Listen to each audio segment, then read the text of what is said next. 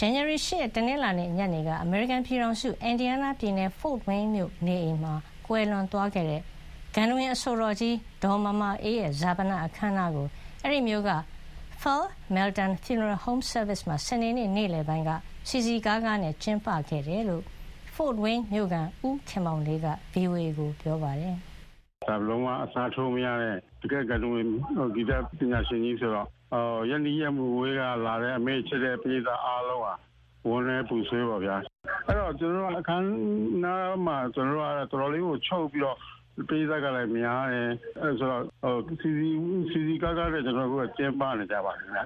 ပန်းချင်းတွေလည်းအများကြီးပဲကျွန်တော်တို့အချိန်မမီလို့သမလုံးမလုံးနိုင်တာလည်းရှိတယ်။ ဒီနေ့လဝေတော့လေနဲ့လာတာကောကားနဲ့လာတာကောတဲခုတ်ဖို့သူတို့ဟိုတယ်မှာထားပေးရတယ်။အာသူတို့သူတို့အသိမိတ်ဆွေတွေမှာဆိုတော့တော်တော်များပါတယ်ခင်ဗျ။ဟုတ်တယ်အမတိကပြောတယ်အများကြီးပဲကျွန်တော်တို့လည်းပဲအသီးသီးကဒီအမေတကယ်တပည့်ရင်းတွေကောအမေဖြစ်တဲ့ရေးသားတွေကောအများကြီးပဲကျွန်တော်တို့အဲ့ဒါဓာတ်ပုံမှတ်တမ်းဗီဒီယိုမှတ်တမ်းတွေကိုဆက်ဆက်ပြီးတော့ကျွန်တော်လုပ်နေကြတယ်ခင်ဗျာ